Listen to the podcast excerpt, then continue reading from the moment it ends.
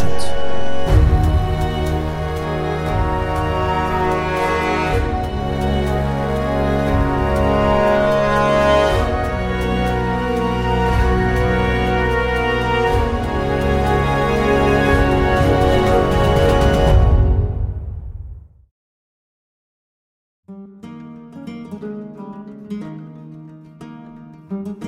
In het Rijksmuseum van Oudheden in Leiden is nog tot en met 17 maart 2024 de tentoonstelling Het Jaar 1000 te zien. Bij de tentoonstelling verscheen de vierdelige podcastserie met dezelfde titel, waarin conservatorcollectie Middeleeuwen Annemarieke Willemsen en haar team ons meenamen naar het midden van de middeleeuwen. Maar er is meer. Rond de feestdagen lanceren we twee bonusafleveringen, waarvan dit de tweede is. Met assistent-conservator Rafael Rijntjes kijken we naar muziek rond het jaar 1000. Deze aflevering komt uit rond de jaarwisseling, wat bij uitstek een tijd is waarin we naar muzikale jaarlijstjes en overzichten kijken en luisteren. Maar hoe zat dat in de 10e en 11e eeuw? Wat weten we überhaupt bijvoorbeeld over de verspreiding van muziek in die periode? Muziek is, altijd en overal verspreid en dat ging dan, dan mondeling. We kennen dat veel beter uit de wat latere traditie, 12e, 13e eeuw, met, met de trouvères en de troubadours. Frankrijk, uh, maar ook, ook, in Duitsland had je die minnezanger. Uh, dat is eigenlijk overal hetzelfde. En de, ja, de 10e, 11e eeuw moet dat toch ook geweest zijn. Er zijn ook allemaal aanwijzingen voor. Dat er aan het hof gebeurde dat. Waren, waren zangers, was veel muziek. Er is zelfs een, uh, ik kan het even precies het jaartal niet meer achterhalen, maar er is iemand die zit in Engeland en die, heeft een, die schrijft aan, die heeft correspondeerd met iemand op het, op het continent en die schrijft van ja, als het kan, kan je, me geen, kan je me geen luid sturen? Want ik heb wel iemand die het kan spelen, maar heeft geen instrument. Dus dat, dat vind, ik al, vind ik al mooi van ja, die, die snakt naar, naar muziek als die ergens zit. Dus muziek was net zo belangrijk, denk ik, als, als voor mensen nu, of kon heel belangrijk zijn. Um, zowel geestelijk als, uh, als wereldlijk. En dat zal ook op al verschillende niveaus beoefend zijn. Dus je had, je had zangers die rondreisden dat in de hoogste kringen, maar ook, ook door de dorpen heen, uh, groepjes mensen, hadden vaak niet de al te beste reputatie. Want er waren ook mensen die vaak uh, kunsten vertoonden. Uh, ja, zakkenrollers, want er zitten we alles bij. acrobaten. Hè. Het, het, was een beetje zo'n groep die, die een niet al te beste reputatie had soms. Maar ja, tot op het, hoogste niveau had je daar had je muzici. En ook aan het hof en ook aan de kloosters waren natuurlijk met mensen verbonden. De kloosterscholen hadden zangers in dienst. Zeker als je een bisschop was die erg, erg van, van, van zingen hield, van, van, van het liturgische gezang hield. Ja, dan, dan, besteed je daar veel aandacht aan. Dan liet je veel jongens opnemen in je jongensschool. En de beste stemmen, die, die, die koesterde je, die, die, die legde je vast. Dus op die manier werd er eh, veel aandacht en veel, uh, ook wel geld aan besteed.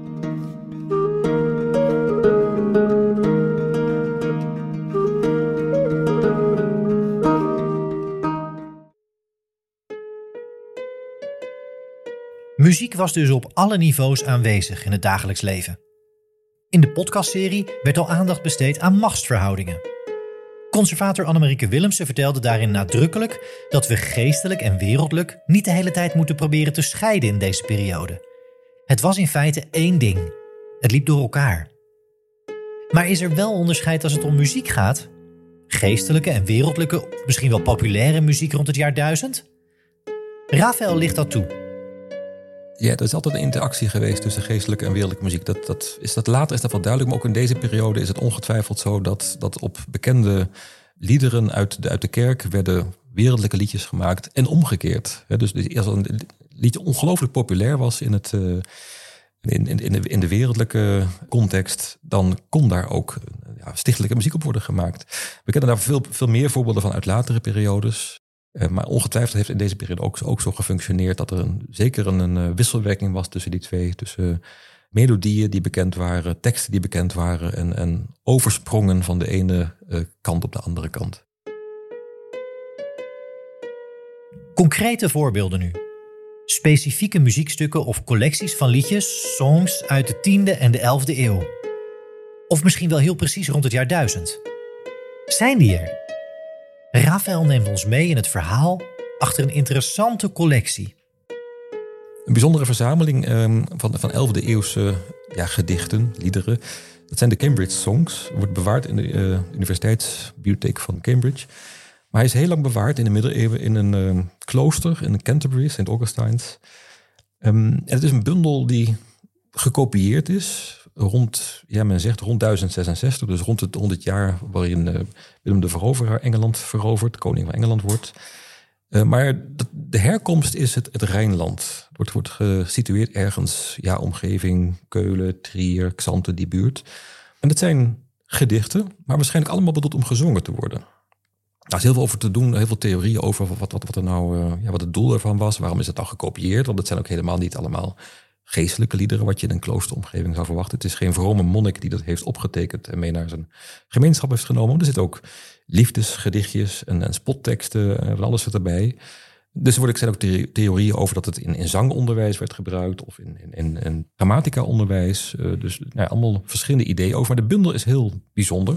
Het zijn 83 gedichten. En nogal wat daarvan die hebben betrekking op de koningen en keizers van het Heilige Roomse Rijk. Er zitten, zitten lofdichten bij, dus, dus er worden, worden keizers en koningen geprezen. Er zitten rouwgedichten bij, elegieën, dus, dus treurgedichten. Ook weer over die keizer Koenraad II, die in Utrecht is overleden in 1039. Ook daar zit een heel uitgebreid treurdicht over hoe geweldig hij was en wat jammer dat hij dood is. En een van de leukste gedichten is het, is lied van de drie Otto's. Dat gaat over uh, drie keizers met dezelfde naam. Otto I, Otto II, Otto III. Dat zijn de de belangrijkste keizers van het Ottoonse huis. De, de tweede helft van de, van de 10e eeuw, begin 11e eeuw. En het is ook een heel bijzonder gedicht. En, dat lied begint met een, met een soort melodie en daarna een heel verhaal. Het is een heel lang, heel lang lied. Um, en het verhaal is dat er een brand is in het paleis van Otto I. Maar niemand durft hem wakker te maken. En dan wordt uiteindelijk een harpist gevraagd om zijn favoriete stuk te spelen. En dan wordt hij wakker. En dat, dat, daarmee redt dus die harpist uh, Otto I van de verbrandingsdood. En het vermoeden is dat die begintune van dat lied ook die melodie is waarmee die harpist hem wakker maakte.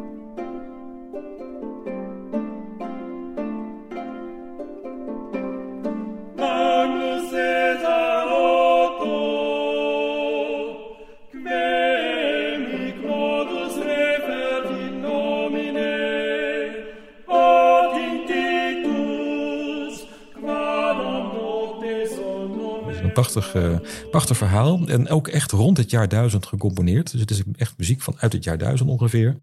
En die aanwezigheid van al die liederen, gedichten die, met koning en keizers uh, hebben te maken. Daarvan wordt verondersteld dat het ook een koning zelf is. Namelijk Hendrik III, toen nog koning, nog geen keizer. Die die uh, bundel heeft laten samenstellen. Dus dat, hij gevraagd heeft aan, aan iemand of aan een groep mensen van nou, de meest populaire deuntjes, de meest populaire teksten van zijn tijd, om dat te verzamelen. En dat verklaart een beetje dan de, de herkomst van die bijzondere collectie. Maar er zit van alles in. Het zijn, zijn geestelijke teksten over heiligen, over uh, van alles. Er zit een zomerliedje zit erin, twee gesprekken, spotteksten, maar ook hele filosofische teksten, teksten van Boetius, dus van een veel eerdere filosoof over hoe het leven. Uh, dat komt er allemaal in voor. Een bijzondere collectie dus. Teksten, gedichten, liedjes die mooi passen in de periode die in de tentoonstelling het jaar 1000 centraal staat, de 10e en de 11e eeuw. Maar het verhaal rond de Cambridge Songs is nog niet klaar. Raphaël onthult nog een pikante ontdekking. En bijzonder is ook een uh, erotisch danslied in deze collectie. Dat zou dan het allereerste, het allervroegste erotische danslied zijn wat we kennen uit de middeleeuwen.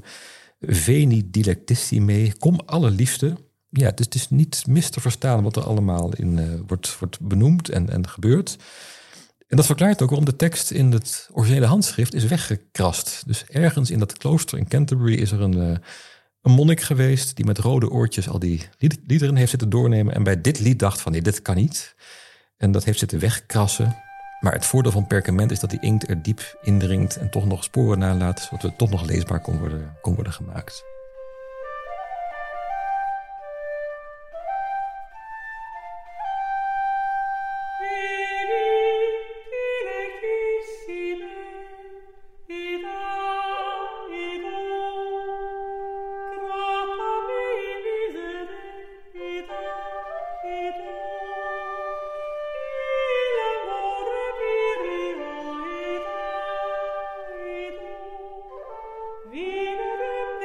De Cambridge Songs. Overigens met muzikale omlijsting, interpretaties van de twee besproken songs door Raphaël, door het internationale ensemble Sequentia, ook te horen in de tentoonstelling in Leiden. Maar reconstructie van muziek uit de middeleeuwen, Het feit dat wij via verschillende media en soms ook live naar tussen aanhalingstekens middeleeuwse muziek kunnen luisteren. Hoe werkt dat? Hoe weten we hoe die muziek geklonken moet hebben als er geen opnames uit die tijd bestaan? Zo luisterden we net naar twee interpretaties door Sequentia en horen we straks twee fragmenten van een vroeg in de 10e eeuw gecomponeerd stuk door bisschop Radboud van Utrecht. In dit geval uitgevoerd door het Gregoriaans Koor Utrecht in 2022. En hoe waardevol is dat voor wetenschappers, dat reconstrueren van muziek? Die muziek, die, die, die vind je in, in handschriften, vind je in notaties. Daar vind je natuurlijk nooit bij, ja, dit wordt met dat en dat instrument gespeeld. Dus je moet altijd verschillende bronnen gaan combineren als je daar ja, een poging wil doen om daar een reconstructie van te maken. En dat kan heel wisselend zijn. Het leuke is, ja, we, hebben in, in, in Nederland natuurlijk een, uitgebreide traditie in de, de, oude muziek zien. Eigenlijk vanaf de jaren 50 al dat reconstructies worden gemaakt van, van uh, middeleeuwse en latere uh, muziekpraktijken.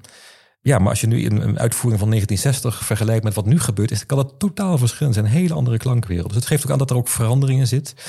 Maar aan de andere kant kun je wel zeggen dat het voor een deel steeds beter lukt om het geluid van, van die eerdere eeuwen hoorbaar te maken. En dat vind ik wel belangrijk, want ja, we hebben de gebouwen wel. Dus ik vind het ook wel heel belangrijk als je dan voorstelt hoe het geklonken moet hebben. En een mooi voorbeeld vind ik de, de, het onderzoek wat nu wordt gedaan, of is gedaan al voor een deel, naar geestelijke muziek uit die periode, juist uit die 10e, 11e eeuw. Waaruit blijkt dat er gebruik is gemaakt van versieringen met, met kwarttoonsaccenten, met kwarttoonsafstanden. Waardoor het voor ons heel vernieuwend en, en apart klinkt. Wij, wij, zijn, kennen dat soort afstanden alleen maar uit, uit, uit Arabische muziek of, of uit andere culturen.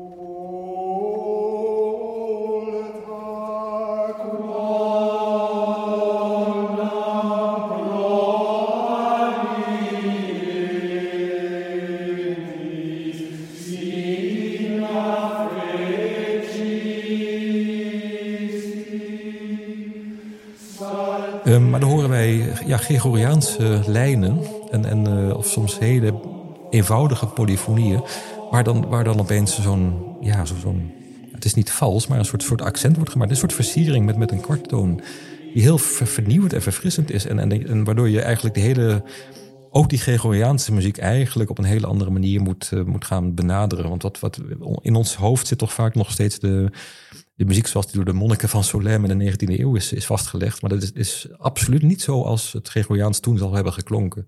Ook regionaal zullen er hele grote verschillen zijn geweest. Waarop uh, middeleeuwse muziek werd ja, verklankt in, in, in kloosters, in de plekken waar, uh, waar hele andere tradities zijn ontstaan.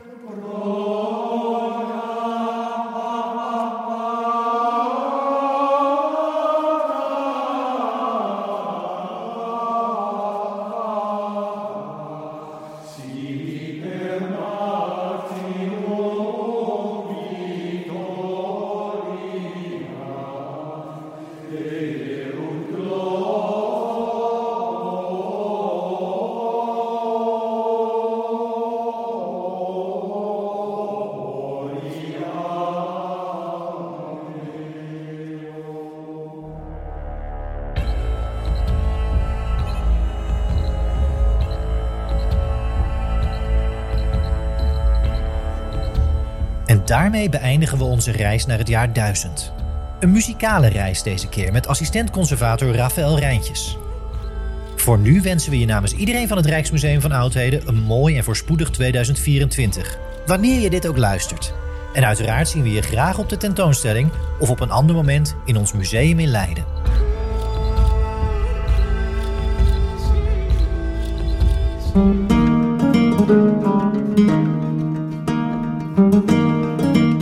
Was de tweede en laatste bonusaflevering van de podcastserie Het jaar 1000 van het Rijksmuseum van Oudheden. Horend bij de gelijknamige tentoonstelling in Leiden, die nog tot en met 17 maart 2024 te zien is. Dank voor het luisteren naar en volgen van onze reis naar het midden van de middeleeuwen. Vergeet niet deze podcast te delen met iedereen die jouw interesse deelt. Een waardering en review stellen we uiteraard zeer op prijs. Een feedback op deze allereerste podcastserie van het Rijksmuseum van Oudheden blijft meer dan welkom. Mailen mag naar educatie.rmo.nl. En kijk voor meer informatie over de tentoonstelling of over deze en andere podcastseries van het Rijksmuseum van Oudheden op www.rmo.nl.